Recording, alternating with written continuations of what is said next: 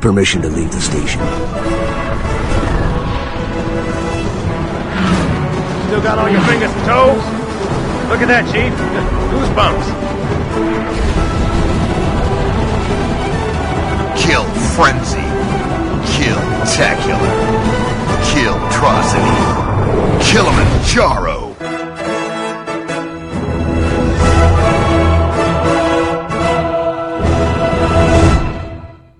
Velkommen til det som er del to av den 19. episoden av Halo Norge Belgkast, podkasten til Halo Norge.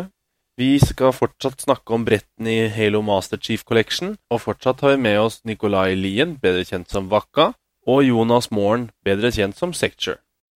Med den formelle introduksjonen hun har gjort, så sier jeg bare god lytt, og ønsker dere velkommen til del to av vår gjennomgang av bretten i Master Chief Collection, hvor turen nå kommer til flerspillerbrettene i Halo 3 og 4.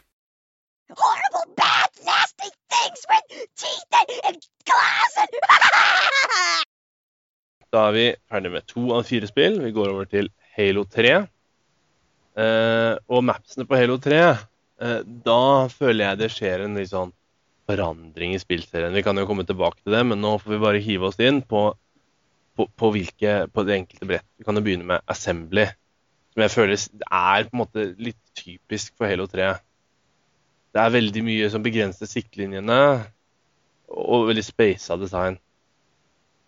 Samtidig som du prøver å tenke arena, men det blir liksom ikke arena. Eller ja, jeg vet ikke hva du, dere har å føye til? Jeg. Um, det er et Jeg, føler at det, det har litt potensial, fordi det er liksom symmetrisk og har rockets og camo, men det spiller liksom ikke optimalt. Nei. Jeg, jeg, jeg, jeg er ikke helt sikker på om det noen gang har blitt testa for noe MBLG eller noe, men det, Det var vel i bruk, tror jeg, men eh, sånn i double så funker det liksom helt OK, men det er jo ikke Det er et greit teamslay-map. Det er ikke noe mer for meg, i hvert fall. Mm. Ikke med dere. Noe input? Nei, eh, jeg har ikke altfor mange minner av den, den banen her. Eh, Bare litt sånn løst klaustrofobisk med mye vegger, og, og du, du føler at det er mye som nesten kunne vært gøy, men så blir det litt sånn ødelagt av at eh, ja, det tar litt for lang tid å drepe, og det er litt for mange vegger å gjemme seg bak. Og, Og litt for dårlig siktlinje. ja, nemlig. Og neste da er en sånn Sidewinder-remake. Han har jeg glemt. At Avalanche Det er liksom sånn svakt minne bak der når jeg sier det. Men den har lidd vel antakeligvis av det, hvis jeg husker riktig, det at um, B-eren ikke er så effektiv på avstand. Um, jeg har mest spilt den i Team Sniper, så jeg spilte ikke så mye Big Team Slayer. Og det blir liksom Du, du, du spåner i basen, går til den lille greia i midten. Du kan kanskje ikke se på det bildet her, jeg vet ikke helt. Ja. Nei, det gjør du ikke, men det er som lite midttunnel, på en måte. Mm. Og du kommer dit, og så blir det sniperduell, og så taper det, ned, det ene laget. Og så får det ene kontroll, og så blir det det en som får kontroll, som bare kan holde det. Du Ja. må nesten bare pushe opp dit hele tida. Det er Ja. så delt map. Det blir litt som vi snakket om tidligere, at eh, Sidewinder Avalanche det funker kanskje med en long way, mye med, med, med liksom sterke startvåpen som på Halo 1, og, Ja. og, og Ja. egentlig mest så casual uh, objective greier, kanskje. Ikke mitt favorittmap, i hvert fall. Nei, Nei det er vel ingen av oss sitt, vil jeg tro. Langt ifra. Og så har vi enda en remake, da, Blackout, som er et forsøk på å remake Lockout, men hvor jeg syns de bomma litt, egentlig, dessverre. Dårlig forsøk. Ja, Det- enig. Det er midten som jeg føler ødelegger det her. Altså Det at de klarer å tukle til midten og igjen ødelegge siktlinjer, som er en gjenganger på Halo 3. Ja, det funker ikke den oppe her, syns jeg. Altså. Det blir eh, Jeg føler at i hvert fall hvis du går på lift, så dør du uansett. Fordi BR3 er så dominerende på den banen her. Mm. Og jeg føler sånn i Team Doubles, da er det bare at eh, den kassa som er der, kan du bare sprenge sniperen til BR igjen. Og så har du BR Tower og vinner. Ja, ikke sant? For du må ikke, må ikke egentlig ta noen sjanse for å få snapperen. sånn du må på Nei, ikke det 2. hele, nei, ikke det hele tatt. Jeg Eh, føler også at de har klart å bomme med, med estetikken. Da. Du skulle jo tro at, at uh, den oppgraderingen fra Xbox 1 til Xbox 360, så, så har du mye muligheter til å gjøre ting uh, visuelt mer tiltrekkende. Men her så syns jeg de har klart å gå helt feil vei og få en bane som ser mye mer firkanta og stygg ut enn en originalen, som var på en mye mer primitiv konsoll. Er jeg vet ikke helt hvordan de klarte å få det til. Ja, det har bare lagt til mange flere objekter. Mer å snuble i. Ja. Og ja. Skivebom. Og neste, Snowbound eller Boundless, da, avhengig av hva man kaller de. Boundless er jo den uten skjolddører, som jo rettet opp det store problemet med skjolddører, som var en forferdelig design feature. eh, som gjorde at folk satt og campet en meter bak med shotgun. Men det Ja. var jo heller ikke noe særlig godt map. Selv om det i prinsippet ikke virker så dumt symmetrisk. To alternative måter å angripe basene på osv. Men var mye mye var... bedre enn Snowbound, i hvert fall. da. Det, det skal det ha. Det var Ja, men hvis- mye, mye bedre enn Snowbound. Hvis vi tenker liksom Boundless-versjonen da, Jeg vet ikke om Snowbound-versjonen kommer med en gang, jeg. Men uh... Tviler. hva sa du, Jonas? Jeg sa tviler. Eh, Den er veldig dårlig, den også. For den med Shieldor, så er det jo Ghost på den i tillegg. Ja. Og det er jo Nei, jeg syns ikke mitt favorittmap. Eh, jeg vil, ja, jeg vil også si en ting til som er litt viktig å se. Altså, Jeg har vært mye obs på siktlinjer, og det føler jeg er sånn veldig sånn designtrekk ved Halo 3-brettene. Hvis du nå tenker på de vi har sett allerede. Ja. Assembly, der var det sant, en svær dings midt i som gjorde at du ikke kunne skyte på tvers av mappet. Og så altså, så er det for øvrig en veldig stor fordel hvis du ser den, den, den basen som er til høyre for bildet. mm, Da kan du bare stå bak toppen mitt og skyte veldig lett på de andre. ja, ikke sant? Og topp mitt her er nøkkelen i det jeg ville si om Boundless. altså Selv om den også ser tilsynelatende åpen ut, så gjør den der hillen på midten at ikke du kan crossmappe effektivt. Den, gjør, den deler på en måte banen opp i to deler. Veldig. Altså, Og det- Så dårlig som Connect, eller unnskyld at jeg avbryter, men så dårlig som Host var i, eller er i Hello 3. Hvis, hvis du har Host og står bak Tom Mitt og skyter på den andre basen, så, så registrerer ikke skudda på deg, og du får Mm. dem veldig fort. Så det, Ja, ikke sant? det funka liksom ikke, det- den toppen mitt. Snøen og Nades Mm. som bare ble stuck i snøen og Nei. Og jeg, Jeg anbefaler dere å følge med, for det er noe jeg har observert, og som jeg liksom aldri har fått helt gehør for, men det er gjengangeren at alle Halo 3-maps nesten har en sperre på midten. Riktignok det neste vi skal se på nå, Citadel har ikke akkurat en sperre på midten. Der er midten det eneste åpne området, men gjengangeren er, er det på de mapsene som ikke er remakes i Halo 3. Men Citadel da syns jeg var en ganske bra map, egentlig. Det var, det var ikke noe direkte gærent med det. Det var kanskje litt, litt sånn mye ganger og sånt at du kunne kjøre Lukka. Ja, det er veldig lukka. Ja. Sånn, unntatt om hit, men man går ikke om hit unntatt rocket. Mm. Og selv da så hopper man jo bare bort på, man rusler jo ikke inn. Ja, ja. Og bare hoppe fra den ene massen over til den andre eller tilbake. Så det, det var noen veldig heller- mange gode minner fra det. Man, Nei, man, her, òg får du ikke siktlinje, men her er ikke problemet noen på midten. da. Men det er, her er det mer at banen generelt er lukka. Ja. Og neste brett er en remake av Chill Out, Cold Storage. Eh, Ferdelig remake. Ja. Dårlig. dårlig remake, og den passer ikke til Mo spillmotoren. Vi har jo allerede snakket om det i forrige del, Mm. Uh, uh, i Halo 1-delen. Men uh, ja, det er jo kanskje ikke så mye mer å si. Jeg vet ikke, Nico. Jeg husker jeg spilte det her litt grann, og var veldig forhåpningsfull, ettersom Chillout var jo en, en virkelig høydare. Eh, og jeg kjenner, husker bare det, det kjentes veldig klaustrofobisk ut, og, og du følte at uh, du, du fikk ikke gjennomslag for noe. Det var ingenting du begynte selv som du klarte å fullføre. Det var mer det å komme rundt et hjørne og klare å fullføre noe noe annet hadde, noe noen andre har begynt på. Uh, mens i Halo 1 for eksempel, da, så, så kunne du gjøre store deler helt på egen hånd. Mens Ja. her, eh, her så måtte du være litt mer sånn uh, scavenger for å få noe ut av, Mm. av eh, en eh, FFA, for eksempel. Og så har vi Construct, da.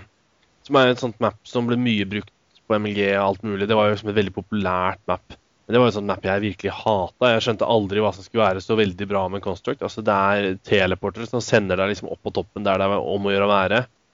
Eh, og der er det litt sånn du håper å overleve den turen opp uten å bli backsmacka. Og så er det å hoppe og sprette litt rundt mellom masse granater og håpe å få en no-scope med sniperen liksom, og få toppkontroll. Altså, jeg vet ikke hva, hva er greia med dette mappet her. Um, på Hill i hvert fall så syns jeg det funker veldig bra. Hillen er da på den ene streeten Eller først nede på sniperen, helt nede der, og så på hver street. Og jeg syns det i hvert fall funker. Jeg syns Slayer uh, Det syns jeg blir Jeg vet ikke, kjedelig. Hvis du liksom Ja, får toppkontroll rocket, så er det vanskelig å bryte altså. Uh, Og det blir veldig sånn abused, og når inngangen er en, er en sånn lift også. Men jeg er enig med deg at, at, King funka, det hadde jeg litt glemt. Men det var faktisk ganske underholdende. Både å se det, ja, det er fortsatt i settings, da. Og det funker. Jeg syns også at eh, det som kanskje var appellen med den banen her, da, er jo at eh, i forhold til resten av Halo 3-banene, så var det litt mer mulig å, å crossmappe og teame folk. Eh, selv om du sto langt unna teammaten din, så var det mulig å skyte på samme person. Det ja. Og, og selv ovenifra så hadde du god sikt nedover og nedenifra så var det veldig mange steder du kunne kaste granater for å treffe de oppe. da. Og du kunne kanskje ikke få like mye kills på det som eh, man, man kan tenke i andre spill, men du kunne skade folk og hjelpe teammaten din på den måten der. Og ja. Spesielt hvis du så noen var i en battle i toppen av liften der, så kunne du fra nesten hvor som helst fra banen kaste en granat som treffer den liftrollen og flyr opp i det rommet der, og, og kan eh, rense opp etter teammaten din. Men det var mye randomness i de liftrommene. Altså. Jeg bare må, åh, det var eh. Men ja, jeg ser hva du mener. Neste brett er da epitap, eller epilog. Det er avhengig av om det er shield doors på eller av. Um, Nei, det er, det er forskjellige våpen. For uh, på Epitaph så er det ikke sniper på banen, og, ja, OK. og kam og alt spåner forskjellig. Det er, det er vel bare det som er forskjellen, tror jeg. Jeg tror ikke det er noe shield doors på den mannen her i det hele tatt. Nei. Jo, det er det du kanskje. ser jo en, Jo, det er du det. ser jo en på bildet der. Men det, det det, det var de som ble fjerna. Men det Ja, de som, den her er jo ment å være liksom en longest-kopi, nesten. Eller ikke kopi, men liksom longest-inspirert. Men jeg syns ikke de fikk til. og det var det At du kunne Jeg- gå rundt på utsiden av brettet. altså. Jeg fikk den liksom litt følelsen av at det var en slags Halo 3-ifisert versjon av Prisoner. I form av at det var veldig mye etasjer og ganske åpent innendørs der. Men så, som i Halo 3, så er alt mye større. Og derfor har du alle disse gangene på utsiden av banen osv. Men eh, Ja. det var en av de eh, brettene jeg, jeg likte bedre eh, når det gjelder eh, Halo 3-samlingen av baner. da, I hvert fall av de originale. Ja. Så, så var det gøy, og du kunne spille litt to mot to. og Det var ikke så mange baner som var egna seg til to mot to, men det var en av de banene hvor det faktisk fungerte ganske bra, syns jeg. Mm. Neste brett er Foundry, da, kjent som liksom Forge-arenaen. Altså Selve Foundry er vel ikke så mye å si om. Det var jo på en måte bare virke som bare kasta masse objekter uh, inn i et lagerrom. Men, men det ble jo lagd gode baner her. F.eks. Onslaught var iallfall veldig bra. Altså, Amplified. Ja, Amplified. Det er de Så- to som har vært i MLG. Så det her Ons- altså Foundry og Forge var jo på delvis redningen for Halo 3, egentlig. Selv om banene ble utrolig stygge, da. Helt enig i at Foundry redda Halo 3. Uh, uten, uten noen av de eh, user-lagde banene, så, så ville ikke eh, Halo 3 hatt en stor nok samling med brukbare maps, syns jeg. Men, men i Foundry så, så ble det laget veldig mye bra. Og det viser bare hvor bra communityen er det, og at communityen til dels eh, forstår hva spillerne vil ha, enda bedre enn spilldesignerne selv. Jeg vil bare legge til at eh, jeg syns at eh, Foundry, vanlige mapper, funker veldig bra på Team Doubles. Fordi jeg vet ikke, jeg bare Jeg føler det spiller veldig bra. Mm. Veldig kjappe spawn-tider på sniperen og greie spawns. Mm. Så faktisk så funker den vanlige helt OK i doubles. Ja, jeg mente ikke å si at den var nødvendigvis var ræva, bare at den virket veldig tilfeldig. Det virket som liksom bare ja, det er, faen, vi må ja, det er eller mye annet». plassert greier. Det er så plutselig en truck helt bakerst i banen, og ja, det er mye rare, rare greier. Uh, så Ghost Town, da. Som er, uh, den hadde jeg glemt etter jeg så bildet her for et par dager siden. Men jeg husker jo den som et liksom morsomt map å få i, i matchmaking. Iblant litt irriterende, men liksom litt sånn og pent å se på, ja. Og en modifisert altså, versjon av det her, hvor man brukte nesten bare den lagerhallen til venstre. Det spilte vi én mot én på, husker jeg, og det var ganske bra. Ja. Det var liksom eneste viable én mot én i Halo 3, følte jeg, var på den banen her med de spesielle settings. Det var veldig spesielle settings. Ja, Det er Veldig jo pen en, bane. ja, men det er veldig mye foregår i midten på den, den, det rommet der, da. Mm. Uh, jeg har alltid hata den rangen. Det bare funker ikke for meg, men det er jo Ja. Skal jo funke greit. Men Mm. Mer kjent er kanskje det neste, Guardian, som var liksom veldig, veldig veldig populær. Det skulle jo være den spirituelle oppfølgeren av Lockout, men jeg syns også den lider av det typiske Halo 3-problemet at det er ikke siktlinjer. Det er, eh, folk må eksponere seg med viten og vilje hvis du skal klare å få noe crossmap. I tillegg til at du, hvis du spawner elbow, så har du en veldig stor fordel på kammo, snipe og OS. Og det føler jeg altså svekker mappet veldig. Han ene kan da bare gå og ta OS og snipe, han andre kan ta brute shot og lifte over på kammo og få den lett. Og så blir det stalemate med snipe og de andre bare så gold eller blue. Det svekker mappen, men MLG ball funker jo greit på Guardian. Ja, Oddball funker, for da tvinger du folk til å bevege på seg. Ja. Og til dels King of the Hill syns jeg kunne være gøy på den banen her. Men eh, jeg syns det største problemet Eller største problemet, det er litt vanskelig å si, men jeg, noe jeg ikke likte med banen, var jo det, det svære eh, greia som var eh, i bunnen av midten der. Som ødela siktlinjen igjen. Eh, som gjorde det litt mer eh, vanskelig ja, å crossmappe effektivt. På bunnen så kunne du crossmappe, og selv over toppen Ja. så var det liksom Du måtte jo skyte inn den trange åpningen i døra. Så det var liksom ikke sånn at det var Hva skal jeg si? Ja. Ja, på Top Goal så bare hoppa de fram og tilbake og skjøt ett skudd, og det ble Det var klønete, rett og slett. Du måtte liksom pushe, og det var belønna nesten camping. Særlig på to mot to. Utrolig frustrerende med to mot to på den banen der. Mm. Eh, Og, og et godt eksempel på hvorfor Halo 3 funker dårlig på to mot to også, for, fordi banene legger ikke opp til det. Og i tillegg så er det vanskeligere å bare gå inn i et rom og eie noen. Du kan ikke liksom som på Halo 1 bare stå i døråpningen, treshot en fyr, og så stikke, liksom. Du er nødt til å committe og skyte fire lange BR-skudd. Mm. Neste, da, Heretic, remake av Midship. Den er også sånn som redder Halo 3. Det at de fikk Midship i en god remake av versjon. I hvert fall FFA. Hvilket Jeg, jeg, jeg starta litt senere, så hvilket map brukte de før eh, Midship eller Heretic på FFA? Vet du det? Var det Guardian? Ja, jeg tror det var Guardian og The Pit. Ja, det er jo kjempedårlig. Ja, de Og det brukte The Pit da, faktisk. ja. Jeg husker de brukte Ja. The Pit i Europa ganske lenge, faktisk. Ja, og i hvert fall for meg så Heretic FFA funker i hvert fall veldig bra. Ja, Det redda i hvert fall FFA-delen av LO3. Ja og Slayer of Flaggo var jo kjempe... det, det funker kjempebra på MLG også. Altså, jeg- bra rim for meg. for. Jeg har ikke spilt som LO2, så jeg kan ikke uttale meg om det, men Mm. bra map. Helt klart. Og så har vi jo High Ground, da, som er litt sånn Hvis Zanzibar er Halo 2, så er High Ground Halo 3. Altså, det er også litt sånn spirituell etterfølger. Men High Ground syns jeg var langt mer irriterende.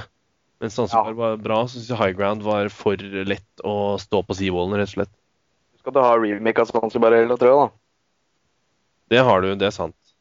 Ja. Men High Ground Men, var det, det, det som var på E3 og på multiplayer betaen. Ja, ja.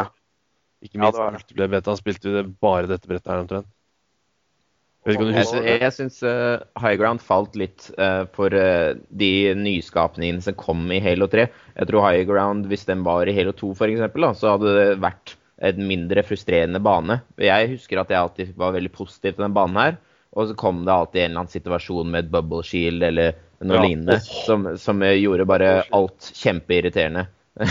oh, Så jeg syns banen i seg selv var ganske morsom. Jeg kunne ønske den eh, var litt grann mindre. Jeg syns det er litt for mye inne i basen der som foregår. De kunne gjort uh, kappa den innedelen av basen uh, i to. Men, uh, men eh, banen i seg selv er ikke noe fryktelig i veien med, og en veldig sånn morsom asymmetrisk bane, i hvert fall, syns jeg. Til sånn one flag og one bomb og den, den eller Assault heter det vel. Um, ah, ja. Og den slags ting. Det jeg ikke liker, er at du Jeg, jeg liker ikke at Eller eksempel at uh, folk starter med en fordel, for det gjør de på den måten her. Du kan eksempel bare ta en Mongus og kjøre rett på Rocket, og så har du liksom toppkontroll fra starten, og det liker jeg ikke. Akkurat samme med Guardian, hvor du har en fordel fra starten. Det liker jeg ikke helt. Jeg måtte spille one eller noe hvis det skulle funke. Ja, det, det måtte. Og Slayer på den her, da starter med veldig fordel hvis du spawner oppe, som jeg sa. Neste bane er forresten Isolation. Det er en sånn bane som igjen har den Halo 3-featuren at den virker veldig åpen, men så er det en rygg på banen som gjør at du liksom aldri kan skyte seg over særlig lange avstander. Og så føler jeg også på den banen her at hvis de hadde fylt igjen hele bånden på brettet, så hadde det vært så mye bedre. Jeg husker jeg alltid var veldig positiv til Isolation hver gang jeg fikk den opp i matchmaking. Eh, men så var aldri kampene særlig morsomme. Og det er kanskje litt av det problemet med den illusjonen av at den er mer åpen enn den er. Men eh, jeg husker det alltid var noen morsomme eh, ting som skjedde på den banen. Jeg husker likte Ja. spesielt de ruinene. King of the Hill var moro. Ja, og så likte funke. jeg veldig de sidebasene. Syns jeg var veldig underholdende. Ja, ikke sant? Det er mer midten av banen som, som faller sammen. Og Ja, spesielt så- altså den underetasjen. Ja, ja, det følte jeg var bare drit. Det var bare sånn sted man gjemte, og det at den stakk ned i det vi kalte rumpehullet øverst der, og liksom kom ut nedi bånn av banen. Den ekle lyden som kom når du Ja, Ja, Det høres ut som man er inni en kropp når man går ned der. en tarm. Ikke deilig. Ja. Nei, altså Hvis de hadde fylt, inn, fylt igjen kjelleren, bare fylt den med jord, så tror jeg det hadde vært eh, et vesentlig bedre brett. Og gjerne jevn, fått jevna ut den toppen litt på midten òg, sånn at du kunne crossmappe. Lagt inn noen steiner kanskje isteden, som cover. Tror jeg det hadde vært helt ultima, mye, mye bedre. Neste er jo den Zanzibar-remaken som jeg har forsnakka meg på et par ganger allerede. Som Jonas eh, så kjekt har korrigert meg. Det er jo en tro remake, hvis jeg husker riktig. Jo da, den funker veldig bra. Den eh, blir veldig mye spilt i multiteam, og social skirmish er vel den objective players heter, og den funker veldig bra. Og Ja, og sånt, så funker den veldig bra. Jeg føler det er veldig likt. altså Gameplayet i toeren og treeren er jo såpass likt at det, er, eh, en sånn en type remake funker ganske fint. Mhm. Jeg vet ikke, I hvert fall når man liksom er tro Altså De to re remakene i Halo 3 som er av Halo 2-maps, og som er tro til mappet, altså som ikke endrer så mye, de funker. Ja, Sansebar, Ja. Ja de er vel Altså- veldig, veldig like, de to mapsa, er det ikke det? Jo. Helt, uh, ja. De er så godt som identiske, både Midship og, og Last Resort Zanzibar. Og i tillegg så, så spiller jo avstandsspillet i Halo 2 og 3 veldig likt. Eh, Det er mer i, i nær, eh, nærkamp at, eh, at eh, forskjellene i spillene skinner mer igjennom. Eh, så Zanzibar lider liksom ikke av det like mye som Lockout-remaken vi så, da. Selv om det er andre ting som også gjør at den, det var en dårlig remake. Ja, men, men ting som Ja, med, men det er liksom ikke så mye close combat. Så, så det er liksom ikke så mye å ødelegge. Den spiller veldig likt som den gjør i Halo 2, og den er fortsatt veldig morsom til det den var ment for, da. Som er mer eh, liksom moro med venner og se på den svære, kule banen her og Mm. den type ting. Og så har vi Longshore, da, som igjen har det design-featuret at det er en vegg tvers gjennom banen. Riktignok en vegg du kan gå inn i, men det blir liksom typisk Halo 3. Du går fra et rom til et annet, og så plutselig er det noen der. Ja, det er kjedelig map. Det er ikke veldig mange gode minner fra det. Uten at det er veldig mange stalemates, 49-49 Team Snipers f.eks. Ja. Det ene laget har den ene siden, og det er høye greier på venstre der. Jeg følte det er sånn map også jeg alltid prøvde å stemme bort i matchmaking, men fikk. Ja, men noen ganger kunne det være litt gøy å henge ned ved de der containerne og snipe litt og sånn, men det var liksom irriterende map ofte når liksom ting gikk nesten. jeg føler at det er mye nesten på DL og 3-maps her. Ja, og ofte syns jeg problemet er at du ikke at Her liksom, Hvis teammatesa dine dør, de har ingen mulighet til å hjelpe deg. Du er nødt til å få drept alle på motstanderlaget uten å miste en eneste av din egen teammate. Ja. Og det, er, det er, blir vanskelig når det er jevne lag, og da blir det stalemate eller litt sånn tilfeldigheter som spiller inn. da. Så har vi Orbital, da, som var også en veldig sånn annerledes, veldig pen bane. Og som jo var ganske morsom, syns jeg. Altså det, men jeg husker ikke akkurat hvilken gametype man spilte. Du spilte Jeg kan bare huske Slayer, i hvert fall. Ja, Det var jo Du kom deg opp til den derre midtgangen, holdt jeg på å si, med Rocket helt på enden der. Jeg tror du ser den helt i enden av bildet her. mm. Eh, og så var det I midten der så var det liksom Det var der det skjedde. Mm. Og alle battlene var der og sånn. Det var veldig sånn delt map, da. ja, det var det jo. Det var veldig lange ganger og Ja. Det var mye irriterende sånn uh, nading gjennom ganger. Men det, ja, det, det var en greit map. Det var litt sånn Rat Race-inspirert, da. På en måte. Ja. Bare mye, mye større. Ja. Og ikke, like, og ikke noen sånne snarveier, så det ble veldig langt å gå. til Tross at mappet Ja, det er større enn Rat Race, men det er ikke noe stort map heller. Det er sånn mellomstort. Så, men det ble likevel veldig mye gåing hvis du var liksom på feil sted. Og mye gåing er jo også gjengangeren for Rats Nest. Det er jo liksom en big team-map uten noe særlig vehicle. Eller du- har jo vehicles, men det er liksom ikke det som er greia. Jeg følte det ble mye vandring, og, og så plutselig blir du Du- drept der. Veldig dårlig bilde av seg. Ja, du, måtte, du måtte liksom inn, inn i midten av banen da, for, å, for å kunne kontrollere eller for å kunne gjøre objektiver også den, og den slags ting. Eh, mens, eh, mens vehicles eh, ble mer brukt til å liksom patruljere denne runden rundt banen. Um, Ja, og flagget var veldig nærme hverandre òg. Men eh, det var det som var litt positivt med den, da, var at du kunne igjen velge. Du måtte ikke ta vehicle-løsningen. du kunne også løpe inn gjennom midten der hvor vehicles ikke lenger var en faktor, og, og mer spille uh, førstepersonsskyter uh, med, med våpen og til fots og den type ting. Så det er i hvert fall noe som var positivt med banen her, at den ikke tvang deg til én type spill. Du kunne, kunne velge litt selv, avhengig av preferanse. Mm. Og så har vi Sandbox, da, som jo var det andre liksom Forge-paletten. Eh, originalbrettet var bare ræva. Jeg hatet den når jeg fikk det på, på matchmaking. Men, Ja, det var ja. men jeg følte, følte ingen heller fikk til noe bra Forge-maps med Sandbox, selv om du kunne bygge i lufta sånn. Altså, det- Jeg kan ikke huske jeg Jeg har spilt på et hva, hva, hva var årsaken til det? Det var Griffball du spilte på det. Og så var det to maps i doubles, i hvert fall. Westerlot og Tundra, som begge to var ikke noe særlig. Um, og så Det var Briffballs mest som ble spilt.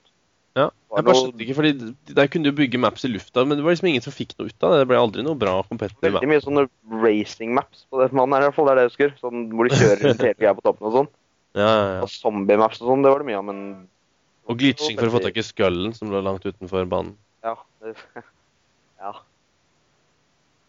Og neste er jo ikke noe bedre heller. Sandtrap, som er jo må være et av de mest åpne, men samtidig dårlige mapsene i serien. Altså det er veldig kjedelig big team map, egentlig. ja. Eneste som er kult, er at du har den derre La på toppen, tenker du på? Ja. Det Ja, var, var, jeg husker Snipers på det her. Det, var, det her og Avalanche det er jo de to mapsa du ikke vil ha i Snipers. Og så Hvis du får den der store hylla på toppen på Snipers, så har du jo vunnet banen. Og det er så mye camping og greier. Mm. Det er ikke Jeg husker bare vehicles som kjører rundt overalt, det og splatter av folk. Det er kaos. Uoversiktlig. Ja, det var jo alle typer vehicles der. Til og med den svære Hva var det der hvor flagget var? Elefanten eller hva den het? ja, det var den jeg tenkte. Den var jo den var faktisk ganske episk. Det, det er sånn kult. da. Jeg skjønner at de må ha en bane hvor de må ha en elefant. Jeg, altså, jeg har også savna en pelican jeg, i, i Halo, og, og det her er kanskje også en sånn bane hvor de kunne hatt en pelican. Eh, For du husker at flagga var i den elefanten, og så kunne du kjøre de. ja, stemmer det. Det var veldig mye at de kjørte rett ved siden av hverandre og supercaps. Og det, var, det kunne faktisk blitt morsomt i Big, big Team-flagg. Ja, Hvis man hadde senka skuldre og liksom var Ja, ute da- og kjøre masse vehicles, så kunne det være fun. Og så husker jeg det var Rocket uh, Race med sånne små biler her. Kunne være morsomt. Ja. Men det var veldig Du måtte liksom bare være for, å- på kødd. Akkurat som et skirom f.eks. i Halo 1, eller altså de andre litt sånn snodige brettene. Altså, du må spille det litt ironisk, rett og slett. Eh, og det gjelder vel for så vidt også litt neste brett jeg tenkte vi skulle se på. Standoff. Snowband har vi allerede snakket om. Standoff Ja. eh, det, det levde jo litt opp til navnet sitt. Ja, det gjorde det. Eh, Det var veldig mye Warthog. Jeg tror jeg er det ultimate Warthog-mappet. Fordi altså, de spåner enten inne i basen, og du spiller jo som regel som noobs mot noobs som bare løper ut igjen. Eller helt bakerst. Det helt bakerste vi ser der. Så det var mye Warthog og ørret og ja. Det jeg syns var litt frustrerende med den banen, her, er at her får du jo endelig en som er eh, det ikke er noe svær vegg i midten, så du har ganske god sikt over hele banen.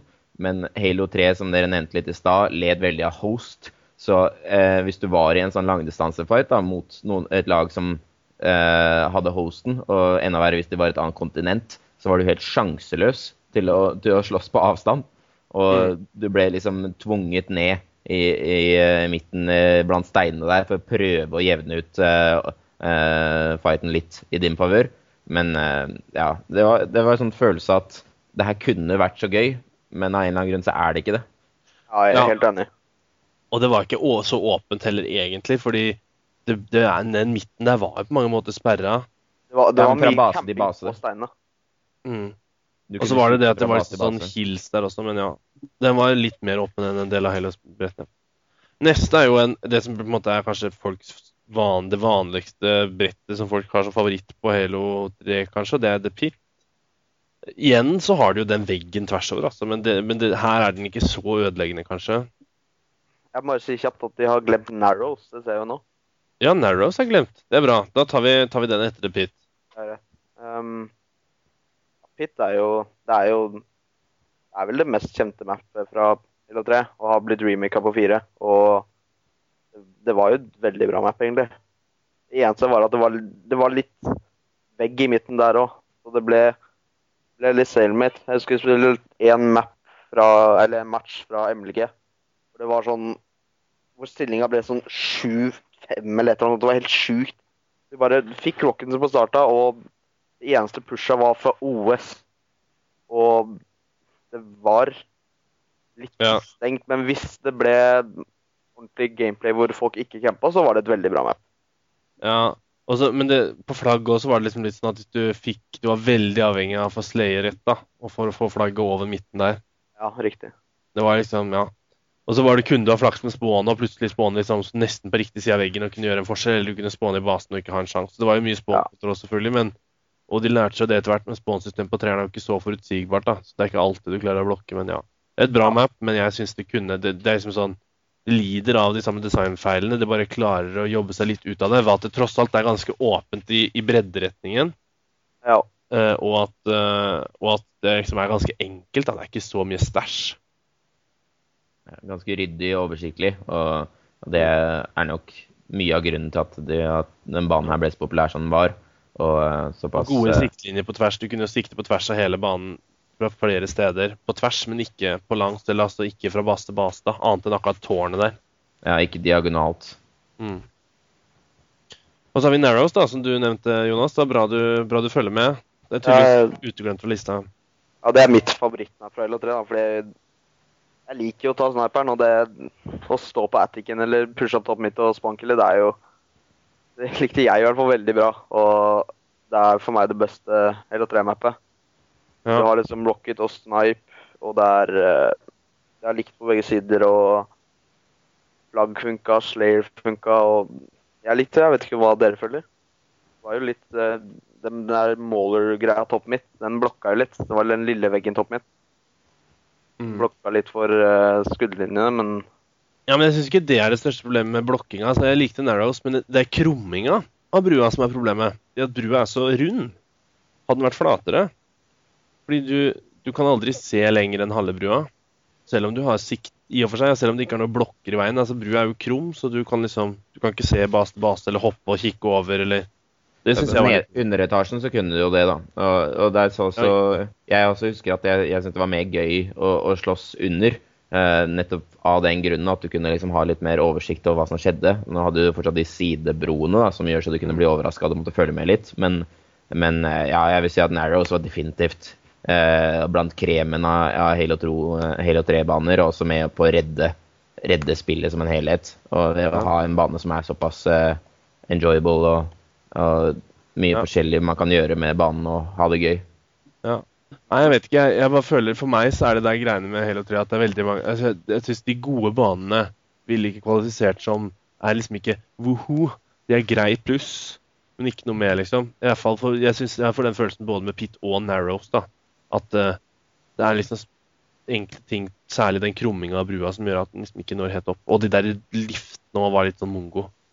Uh, men jeg vet ikke hva annet de skulle gjort. Uh, det funket greit, men det var litt sånn det ble litt for lett å så rushe inn og så stoppe et flagg på en måte. Samtidig så måtte de gjøre det når banen var krum, fordi ellers så kunne du jo bare løpe 25 meter, og så var du trygg. ja. Så det siste på hele tre, Valhalla, eh, som jo er tilbake igjen på fireren også. Ja. Hva har vi å si, egentlig? Det, Det, jeg syns i hvert fall det er det beste Big Team-mappet. mm, Du har det også i Teamslayer uten Banshee, eh, og det, det funker faktisk helt OK greit. Du har veldig stor fordel hvis du spåner på den nærmeste basen fra bildet her. mm. Nei, unnskyld den andre, for da kan du stå på den der Pelicanen og bare nesten voldta det andre laget fordi du Ja, jeg har alltid syntes den, jeg synes alltid den andre siden var best, det er fordi du da fikk mye bedre posisjon på midten vanligvis. Fordi du hadde liksom lettere for å komme deg opp, og du kunne Ja, det har veldig mye om du har host eller ikke. for Hvis du har host, så er det så sykt bra å stå på Pelicanen der. Skuddet Ja. registrerer ikke i det hele tatt på deg. Ok. Hm. Ja, det var et interessant perspektiv, for jeg forbanner meg alltid når jeg spawner på den siden. Ja. Jeg syns den banen her er, er litt frustrerende, fordi den tvinger deg litt til å akseptere Eller til å måtte ha med vehicles å gjøre, da. Ved at eh, noen andre big-tip-baner så kan du velge litt å unngå hele det aspektet. Nå er Eh, laseren topp mitt, og så trenger nødvendigvis ikke det. Ja, nemlig. Men da må du jo eh, basere spillet ditt rundt hvor, hvor eh, eh, folk kommer med vehicles og den slags ting. Jeg vet i hvert fall i Halo 4 så, så er ikke det her eh, noen favoritt, men jeg antar i Halo 3 så er det ikke det er ikke det verste uh, big team-alternativet i det Nei. hele tatt. Laseren er gjør at, gjør at hvis du har den, så vil jeg for minutter kunne ta vehicles. Men jeg føler at du kan, det å gå over hele banen kan være litt waste, fordi du da blir drept. Så ja. Så jeg, jeg skjønner hva du mener, Nico. Det blir liksom nødt til å bruke vehicles ofte, da. Ja. Men, men. Det, men det var vel alle på Halo 3 da, nå som vi har fått med Narrows. Så, Eh, Ja, jeg tror det. så da tar vi en liten pause igjen, så kommer vi tilbake med Halo 4. Halo 4, I get a woman. I've been guaranteed. Angela Bassett will be on board Halo 4. All right. Commander.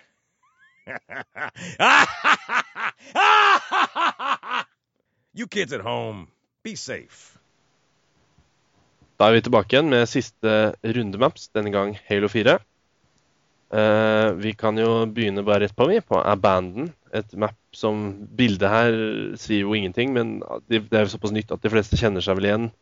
Uh, og det er kanskje det mappet jeg syns er jævligst på fireren. Kanskje ikke fordi det er verst, men fordi du får det så ofte i matchmaking. Sponsa er helt forferdelig på det. Og siktlinjer ikke-eksisterende. Jeg føler alle er mye bedre enn meg til å campe på den banen her, og, og, og får det til. De gangene jeg prøver å campe toppen mitt, så blir jeg alltid eh, tatt av et eller annet fyr som plutselig kommer opp en lift eller et eller annet sånt bullshit. Eller i jetpack eller ja. Jeg syns den banen her er ganske morsom jeg, til sånn eh, casual play. Altså, Du kan ikke være for seriøs, men eh, fordi Mener Fordi du det? Altså, jeg blir ja, altså, dritirritert, jeg. Du må veldig sjelden spille lag mot lag. da. Du kan veldig ofte isolere eh, fiendens enkeltspillere og, ta dem, eh, og engasjere dem på den måten der.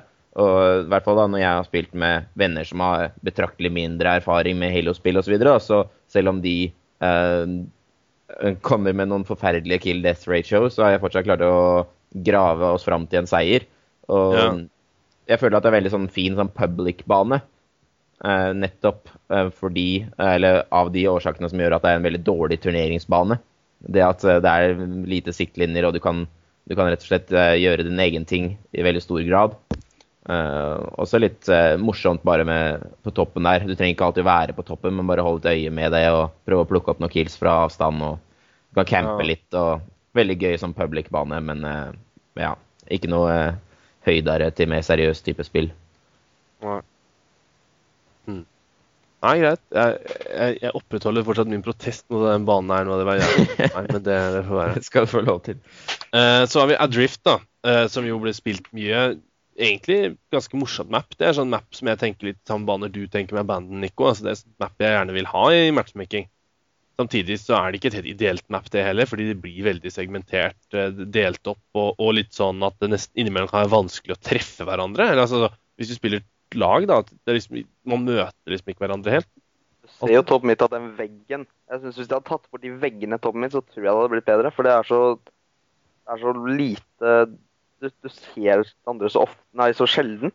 Mm. De, går liksom ut, og så Det de gjorde på den siste episoden, i hvert fall før jeg slutta å spille Halo 4, så, så adda de sniper på hver side. For det hadde de ikke fra starten av på vanlige greiene. Og da, da ble det mappa veldig mye bedre. For jeg føler at da, da hadde du noen grunn til å gå på sidene. Ja, riktig.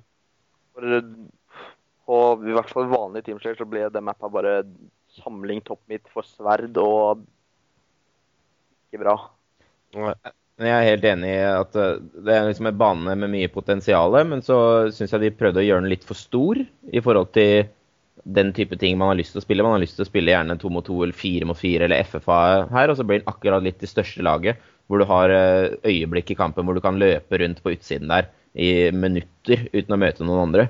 Eh, og litt av problemet er at det er jo ikke noe innsyn, selv om de hadde segregert det hvis det hadde vært mer vindutype ting, da, så kunne sett hva som skjedde rundt omkring på banen og hvor action var så, så ville det hjulpet litt med det problemet. Mm. Men, uh, men jeg føler meg litt sånn at jeg søker litt sånn målløst etter bare Ja, noe ikke som sant. beveger seg. Og Altså, tunnelsystemet er altfor omfattende. altså Det blir for mange lange tunneler å bare rusle rundt i. ja. Men det kan, eh, kan eh, tidvis være noen veldig morsomme matcher på den banen her. Men, Ja. uh, men det avhenger litt av spillestil og sånn. Og du, man kan spille veldig destruktivt på den banen her. Jeg Ja, husker ja, definitivt. på flagg på den banen her, var det som i stalemates. For jeg husker at eh, helt De, de endra på, på flagg så at du ikke hadde du, Flagget ditt trengte ikke å være hjemme for å cappe. Da ble den banen her mye bedre, for det var så mye stalemates. Du bare Begge hadde flagg i sin Ja. base, og det skjedde liksom ingenting. Mm. Så det gjør i hvert fall mappet mye bedre, men fortsatt ikke optimalt. Nei. Det blir liksom helt middels. Ja. Selv om det faktisk er et map som vel fortsatt blir brukt eller som ble brukt kompetitivt hele veien. Ja, nesten. Ja. Eh, Og så Complex, da. Typisk casual map, men faktisk et jeg syns klarer den oppgaven veldig bra. Ja, jeg liker at det er åpent. Eh, selvfølgelig toppen av taket der kan være litt eh, overpowered, kanskje, eller mange føler at det er litt voldsomt. Men, men samtidig, det er ikke så veldig vanskelig å ta ut folk der heller. Det er kanskje mest mot dårlige motstandere at, er, at du får veldig bonus av å stå der oppe. Eller hvis du har host, da. Ja, jeg spilte faktisk den mappa. Jeg, jeg, jeg tok et par games med L4 her om dagen bare for, å, for jeg kjeder meg så mye. Og Mm. første matchen så spilte jeg den banen her, og det mot bare noobs, og det var jo lett. Jeg gikk jo pluss 50 selv om jeg ikke hadde spilt game på et halvt år. Og det var jo liksom Det var jo kjempelett. Mannen her det er jo faktisk en ganske morsom map til å være et stort big team. Det er et av de bedre forsøka, i hvert fall, på Halo 4, syns jeg. Mm. Jeg er sånn til dels enig, men jeg føler at selv i big team så kunne banen vært, hatt godt av å vært krympa med 25% Ikke at du nødvendigvis fjerner noen deler av banen, men bare hele skalaen gjøres litt mindre. Ja. uh, Ja. Ja, det kan jeg være enig i. Det blir litt lange avstander noen ganger, og så da er ikke våpna sånn supereffektive på de avstandene. Og eh, som du sier, med, med toppbanen, eh, topphuset der òg, så er det sånn krumma ender, så du kan eh, løpe unna og, og få tid til å få opp skjoldet ditt. Um, og ja, jeg, jeg føler at hele banen hadde hatt godt av en liten eh, tur i vaskemaskin på uh, høy uh, celsius. Ja.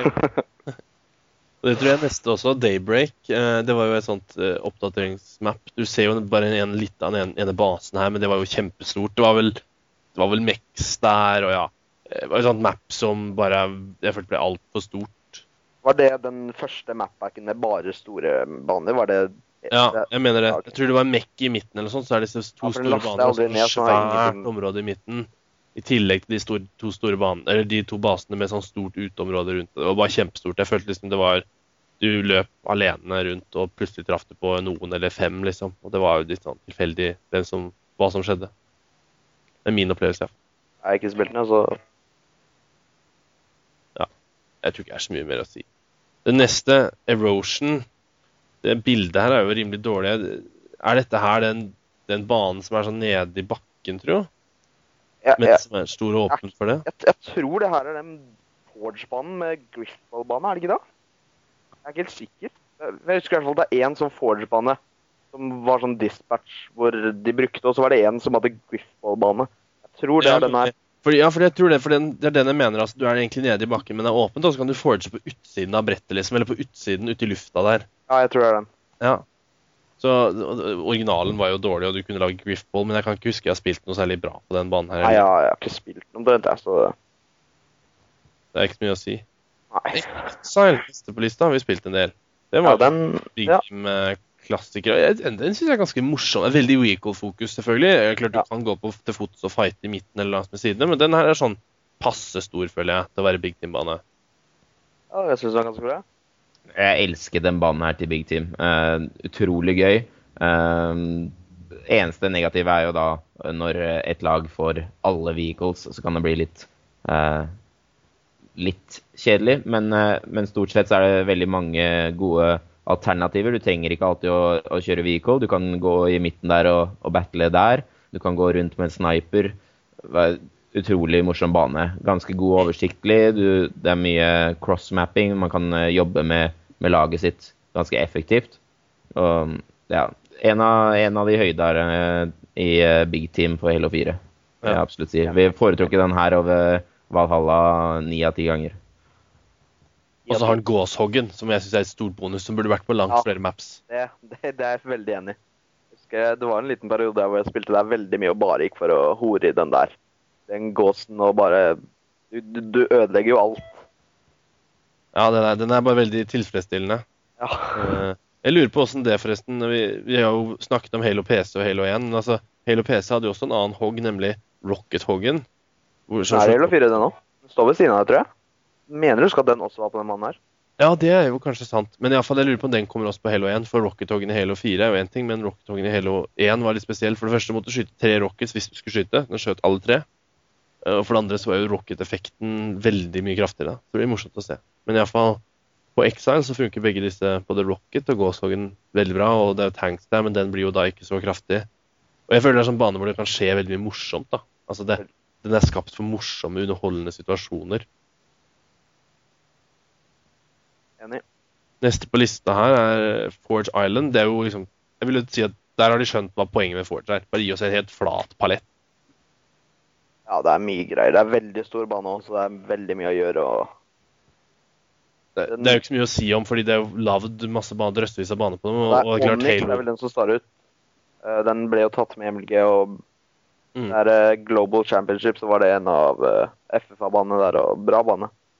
Litt Ja. sånn Heretic-inspirert, og funka bra. Ja. Det er det eneste banen jeg husker. dessverre var jo community i ferd med å dø litt når den her først kom. Men her har de liksom Det her er det du må ha hvis du skal ha Forge. Du må Den ha var jo også gratis, forresten. Det var, den kom i Mapback og var gratis, og det var jo så ganske Ja, det er jo viktig. Ja. For Tidligere så har jo Forge ofte vært en del av betalpakka, og da er det liksom litt tyngre å få folk til å bli med. Men, men, men rett og slett, dette her bør være på Halo 5, føler jeg. Ja. Akkurat Det kommer til å være bra. Bare, og gjerne med en, en mye større Forge-palett og mulighet til å bygge ut i lufta. Så, så, så kan man lage det man vil. Det, det, det Farger. Det syns jeg er viktig, for maps blir så grå og kjedelige. Ja. Jeg håper de kan tilføre farger på Forge. Det hadde vært bra. ja, definitivt. Definitivt. Uh, neste bane jeg har på lista mi, av ordentlige baner fall, er Harvest. Uh, det var en sånn big team-bane som jeg føler liksom, Prinsippet så så bra ut, eller så så riktig ut, men jeg syns ikke den fløt noe særlig. altså. Den, var det Mapback, eller var det fra starten?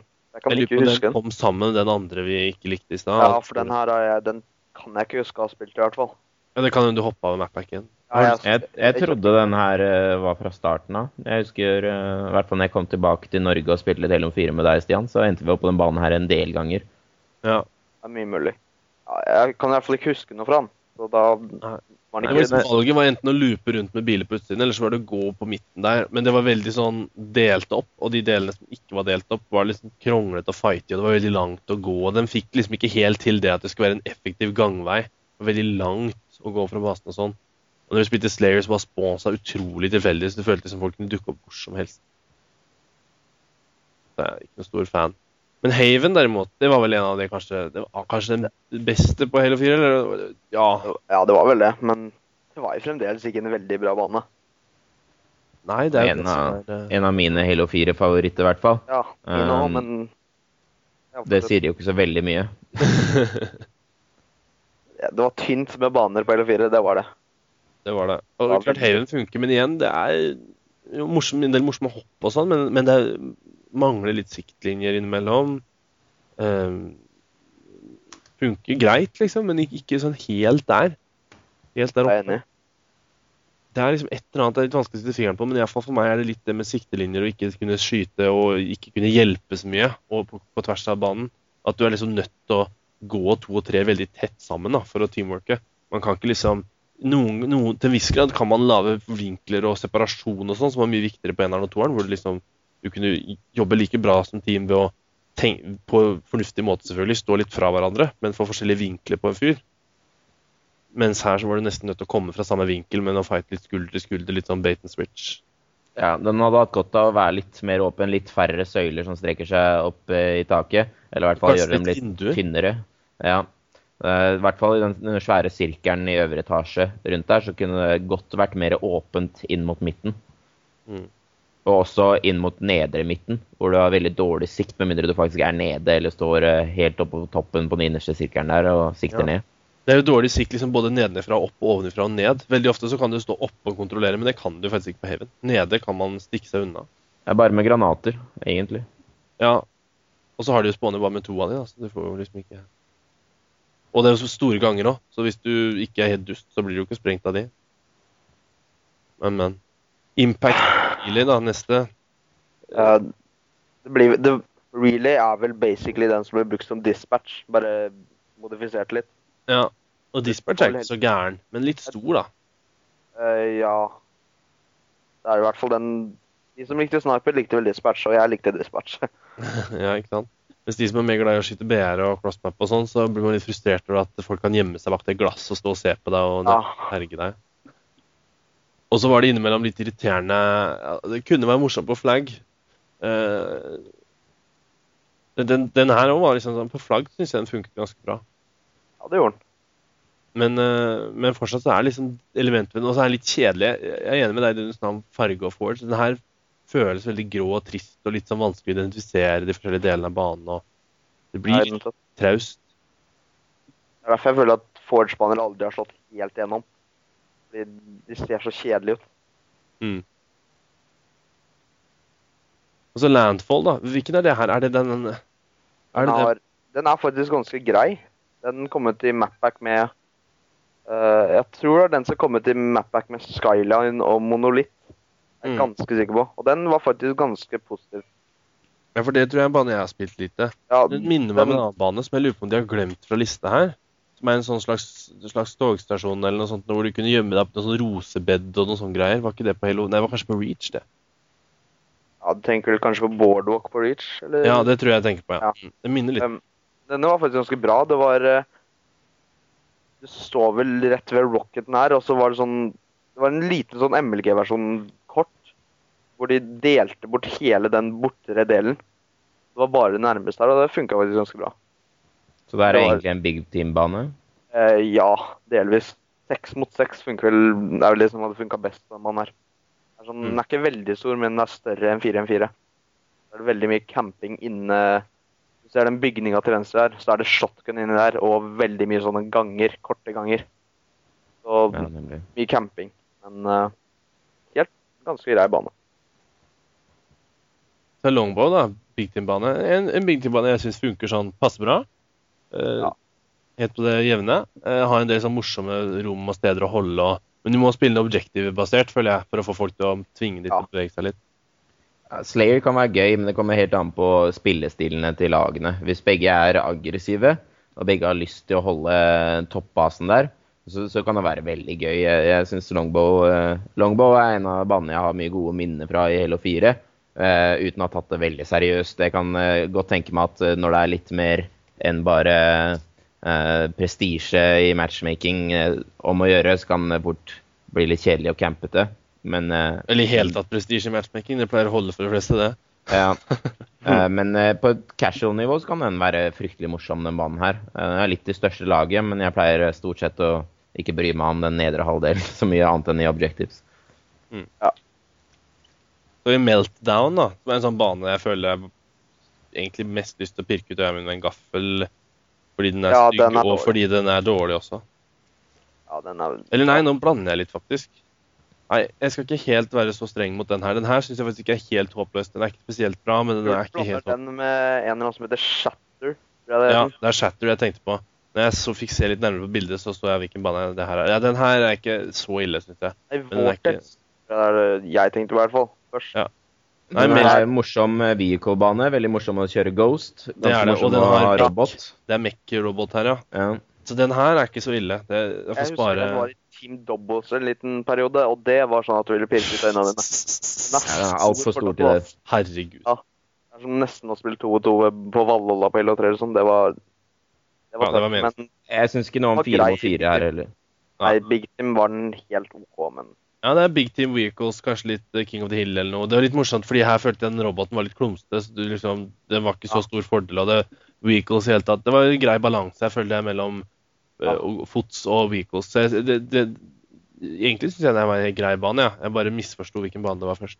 Og den hadde mye power weapons, og den hadde faktisk teleports. Uh, Mm. Som, som Ja, mange av. Big Team-banene mangler litt. Ja, den hadde teleports fra basen til bygning som var sånn 30 meter til på sida, så det kom der fort ut. Ja. Men, ja. Og så i Monolith, da, som var jo en sånn map-hack-map. Og som ble en del brukt competitive til King of the Hill. Litt hvert for stor. Det var, den, den skulle gjerne vært litt mindre. Den var, liksom, midten- Ja, nei, fortsett. den, den var liksom Den kunne blitt veldig bra, men den var liksom litt i det store laget for å liksom nå helt opp. Den ble brukt i King of Till, selv om det var bugga. Eh, ganske lenge, i hvert fall i EU-settingsa. Ja. Og den funka ganske bra. Jeg likte den personlig, men ah, den var litt stor. Og mye vegger. Ja, og jeg likte ikke midten på den banen. Den, ja, Kanskje fordi den blokka for mye. altså Den kunne Ja. vært, eh, Hvis du hadde tatt bort de der panelene Det var veldig lett å gjemme seg og ikke gidde å gå inn i duellen på midten også. Ja. Og, og, og den midten gjorde at du ødela veldig mye av siktlinjen. Det at det er fire sånne store plater som står opp der. Ja. Så har vi Outcast, da.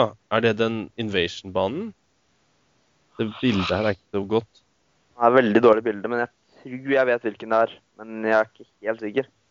Nei. Skal vi kanskje bare skippe over den? Jeg føler ikke det er noe, jeg- det er noe vits å snakke så mye om. Husker du, Nico, eller vet du? Nei. ja, jeg kan ikke huske å ha spilt den i det hele tatt. Perdition. Jeg kan ikke huske å ha spilt den her, eller Nei, Perdition, ja, den husker jeg.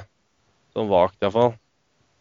Men, men med begge de to er jo sånn big team-map. jeg, jeg spilte veldig lite eller Big Team på LO4, så det ble jo som regel Exile for meg, i hvert fall. Så jeg har ikke så mye å si på de Mm. gigantiske her. Men de, begge de mapsene er fra en mappack, iallfall, ser jeg her. Så det er eh, eh, Det er derfor. Altså At vi ikke vil kjenne igjen, tror jeg. Ja, jeg ser det nå. Jo, Outcast, ja. Det den, den har jeg spilt veldig lite. Men den har, var kanskje potensialet. Men den mappacken her med Outcast og Predition kom veldig seint.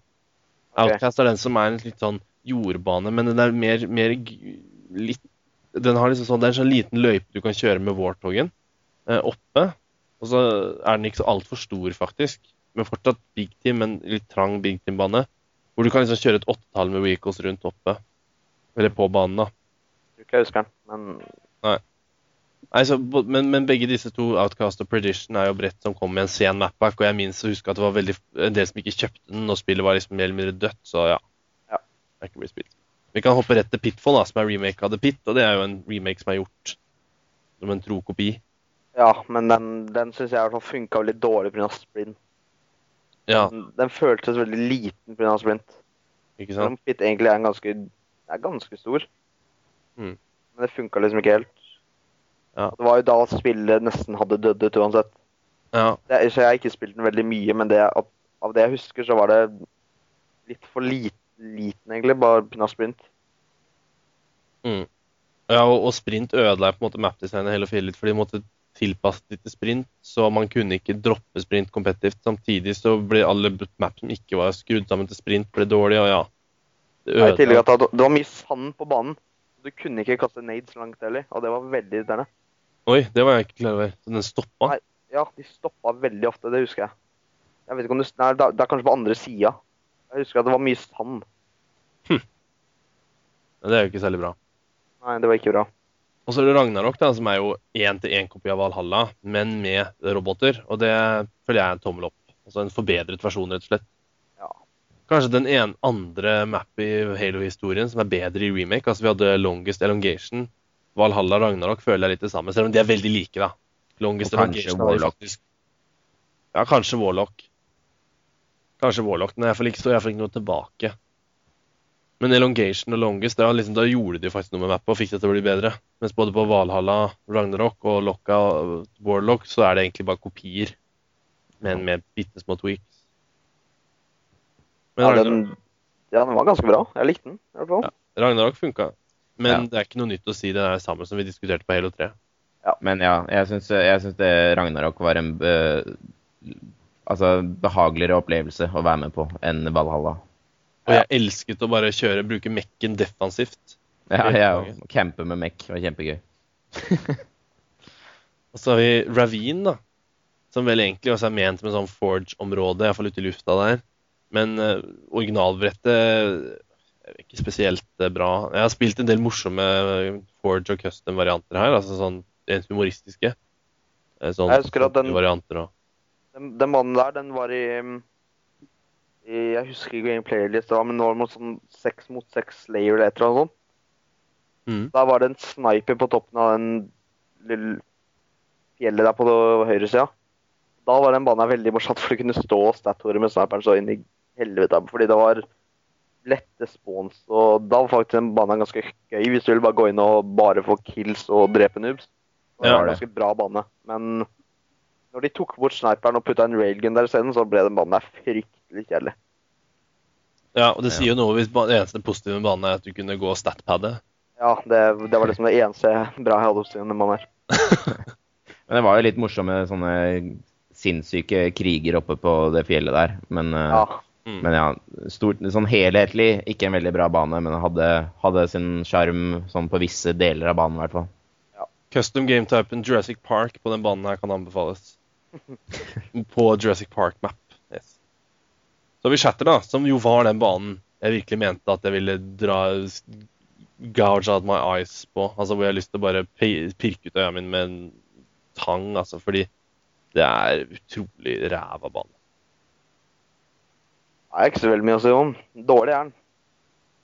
Det er faktisk feil igjen, for det er Vortex jeg tenker på, vet du. Men den, den her også er dårlig, altså. Men det var Ja, Vortex jeg, jeg Vortex er den dårligste mannen på Hello 4 i min mening. Ja. Men Shatter er også der eh, borti. Så jeg tror Ja. vi bare hopper videre. Skyline, positivt. Den er bra, syns jeg. Det syns jeg var en, en ordentlig bra mann. Jeg likte den veldig godt. Det var eh, Jeg tror det er den beste mannen på Hello 4. Mm. Jeg tenkte ikke på den eh, da Haven, men den her likte jeg faktisk veldig godt. Passer Men jeg, jeg syns du husker at uh, vi har gått glipp av et map, eller var det en reach-bane? Den med alle mørk innendørs, med alle de broene som gikk på tvers. Den derre Sword Base, det er Ja. Reach. Ja, ok, det var reach, ja. ok. Ja, Da kan vi fortsette. Det var på Reach. Ja, for jeg huska den veldig godt, så jeg synes det var rart han ikke var her. Ja. Men ikke nødvendigvis i positiv ordlag, eller? Nja, det var jo litt morsomt med jetpack og sånn, men det var ikke noe kjempebra bane sånn helhetlig. Men tilbake til Skyline, iallfall. Det er jo et map som Det blir jo brukt i Halo 4 eh, GC, altså den Ja. Global Championship, og Som avgjør alt. mm, funket faktisk ikke helt håpløst én mot én, selv om jeg syns det blir veldig campy. Sammenlignet med hvordan det har vært i sin storhetstid på de tidligere spillene. Så, så, så overraskende bra bane. Men igjen skulle gjerne ønska meg at det var litt mer eh, åpenhet. Og, hvordan er den her fire mot fire, egentlig? Altså, jeg synes Ja, liksom den, jeg du spilte veldig bra, faktisk. ja, okay. Jeg har spilt den altfor lite, så Jeg spilte den veldig mye når jeg spilte mye, og da Det var veldig få som klager på den her, da. Men den nå er kommet til mapback, ikke sant? Jo, den, den, den jeg- monolitt og en eller annen kom i Mapback. mapback. Jeg tror jeg har spilt den lite rett og slett fordi jeg ikke på en måte, jeg allerede hadde sona ut en del når den her kom ut. Hadde gitt opp. Soul. Sol- Solace, da, som jo et eksempel til, tror jeg, på en bane som kunne vært bra hvis det hadde fylt igjen bunnen. Eller iallfall endra den. Ja, altså, jeg også kjenner bare frustrasjon når jeg ser den banen her, fordi den kunne vært så mye som den ikke er. Uh, hvor den tilsynelatende er liten, men så er den så svær allikevel. De bakdelene av basene er ganske enorme, spesielt på den, uh, den ene sida som er litt sånn inne i fjellet der. Det Eh, laserlyset i midten, ass, det ødelegger liksom Ja. Ja. sikten, og det, du, du bouncer gjennom den laseren, og så plutselig skyter noen deg gjennom den laseren. Og. Det var på en måte kul, men håpløs på en gang. ja. Så jeg kjenner bare potensialet som var der, gjør meg frustrert. Ja. Hva er din kommentar, Jonas? Nei, det er, jeg syns den var bra den første dagen på L4, og så hater jeg den ganske greit resten, fordi den Nei, jeg vet ikke. Det var bare Den var så, var så mye større enn den egentlig burde vært. Så Vertigo, da. Det er en sånn bane jeg tror jeg er usikker på om jeg har vært inne på mer enn én eller to ganger. Jeg tror ikke jeg har spilt den mer enn et par ordentlige games. Men jeg hørte noen rykter om at folk hadde fått den til å funke ganske bra eh, med noe sånn uh, King of the Hill eller noe på MLG-settings. Eh, Jeg vet ikke. Nei. Jeg, jeg, utgangspunkt ikke. en stor bane, men jeg mener jeg hadde liksom satt opp med Hill at det funket fordi du kunne lede folk rundt. jeg har ikke spilt den her noe særlig. Jeg, jeg, jeg lurer på om det er samme map- mappack som Pit. Ja, det, det, er det. Det, jeg, veldig det var det jeg stoppa basically å spille. Um, den der har jeg spilt veldig lite. Jeg har lest mer om den enn jeg har spilt, tror jeg. Fordi det var visstnok håp for den. Men da har vi to igjen. da. Vi kan ta Vortex først. Der! Nå er jeg helt sikker. Dette er virkelig det bunnmappet. Og der har jeg virkelig lyst til å pelle Det er forferdelig. Det er håpløst bane. Stort big team map med veldig mange av de spisse steinene. Og det er de som har gjort at jeg har gått på hver gang. Fordi jeg tror hver gang jeg ser en sånn spiss stein, så bare begynner det å koke litt i toppen. Er jeg den eneste som syns Vortex ikke var så verst? Ja. Det er den eneste. Ja, altså, jeg, jeg, på Big Team da, så, så er det jo litt the nature of the beast at man får en del baner som, eh, som man ikke liker. Eh, og det er definitivt ikke en av favorittene mine. Eh, ikke noe jeg ville bedt om at de skulle lagd i, til et eh, framtidig spill heller, men jeg føler at det er, det er ikke den verste Big Team-banen. Og jeg, jeg har hatt en del morsomme opplevelser på den banen her, men jeg, jeg kan jo godt se hva som er frustrerende med den. Jeg skjønner det godt, men eh, jeg Ja. føler at hvis du, hvis du som fant, fant din, liten, din lille lomme da, av banen som du kjente godt, så kunne man ha det gøy med å liksom, eksklusivt holde seg til den lomma di. da. Men eh, hvis du skulle prøve å spille hele banen til enhver tid, så, så, så kan jeg skjønne hodepinen den medførte. Ja, jeg hater den. Jeg gidder ikke si det. Jeg hater den. Og så Records, da, til slutt. Siste banen i dette maratonet. Den 96. banen, tror jeg, hvis vi nå, i og med at vi slang inn Narrows. Ehm, hva Hva tenker vi? Jeg tror ikke jeg har spilt noe særlig. Nei, Jeg har Nei, ikke ikke spilt heller. mye heller. Men det er, det er ikke det her den banen hvor det, blir liksom, hvor det er forskjellige sånne vrakområder, og så kan du ha- d- d- mer eller mindre e-lifte mellom de, eller Eh, Jeg tror det. Der er også map-back, tror jeg. Ja, jeg tror det. Enten så er det den ehm, Enten så er det den med airliftene, eller så er det en annen jeg har tenkt på. Eh, jeg skal se om jeg finner et oversiktsbilde her også. Ehm, nei. Men jo, nei, det er ikke den med, med liftene, det må være fra Reach. Men det er, en, det er et sånt vrak av en gammel fregatt, og så UNSC-fregatt, som man løper rundt inni. Det var helt sånn midt på tre minus-map. Jeg kan ikke huske noe Jo, spesielt. Jo, det jeg hverken faktisk spilt, men eh, Jeg husker ikke hvordan det var, men jeg mener å huske at det var ganske dårlig. Det er det jeg husker. Jeg husker jeg spilte bitte litt, men det var ikke mye. Nei, det er liksom ikke noe sånt som har satt seg sånn spesielt. Jeg lurer på om det er her med de, at det er noen sånne lifter mellom, og at du Ja. For det er så mange Halo 4-maps hvor det er sånn big team som jeg bare ikke husker har vært der, for jeg har nesten ikke spilt de. Bare Ja, og så litt like og litt Ja. ja, Ja, ja. Så lite igjen- kreative. Vi ser, jeg, vi ser jo da, hvis vi skal oppsummere litt, da, at Halo 4 hadde ikke mye høydepunkter, altså. Nei. Skyland var det ene positive for meg, i hvert fall. Ja. Og, og Halo 3, altså hvis man scroller litt oppover, der var det iallfall noen lyspunkter. Ja. Også, men, men kvaliteten er eh, det er, er flere brukbare maps desto lenger tilbake man kommer. på en måte. Så Halo 2 har kanskje flest maps som er brukbare. Ja. Men det er for, igjen fordi fire-fem av de er remakes også. Og i tillegg så hadde jo Halo 2 mye flere baner enn Halo 1, Mm. Hvis jeg ikke husker feil. Ja, det er jo noen map packs og remakes, og det er jo ganske mange brett til slutt. ja.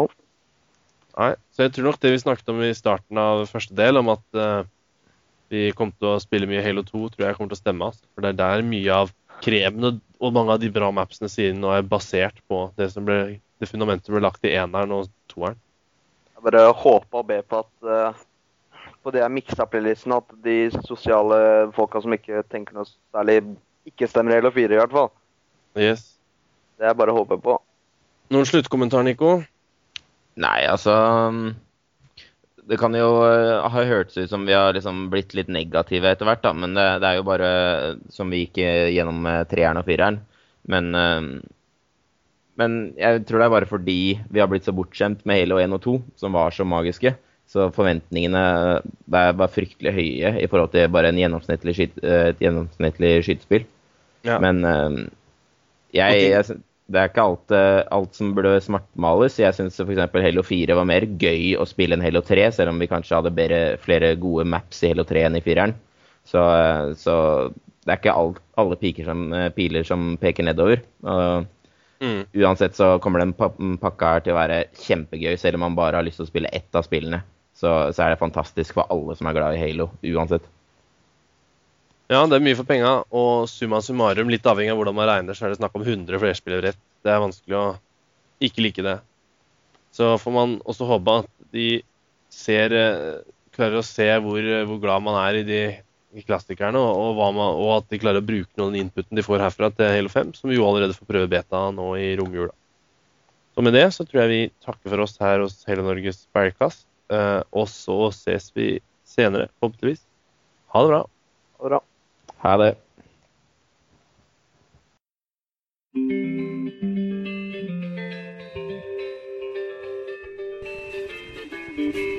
I'm dual wielding my SMGs. I'm gonna go on a killing spree. You better not try to mess with me, cause I'm dual wielding my SMGs. I don't need the rockets to enable me to own. I'll dual wield my SMGs and take you all alone. I don't need grenades, a sniper, or a sword. My caseless rounds will take you out like Genghis and his horde, cause I'm dual wielding my SMGs. I'm gonna go on a killing spree. You better not try to mess with me, cause I'm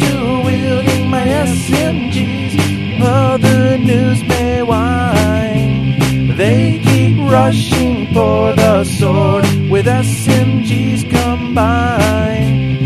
I am well endowed. My guns are apropos. One left, one right, firing at your head. Your quest for all the power weapons soon will leave you dead. But crying out loud, you have an SMG. They're free for all in a brawl, they just might save your life. Oh, I'm dual wielding my SMG. I'm gonna go on a killing spree. You better not try to mess with me, cause I'm dual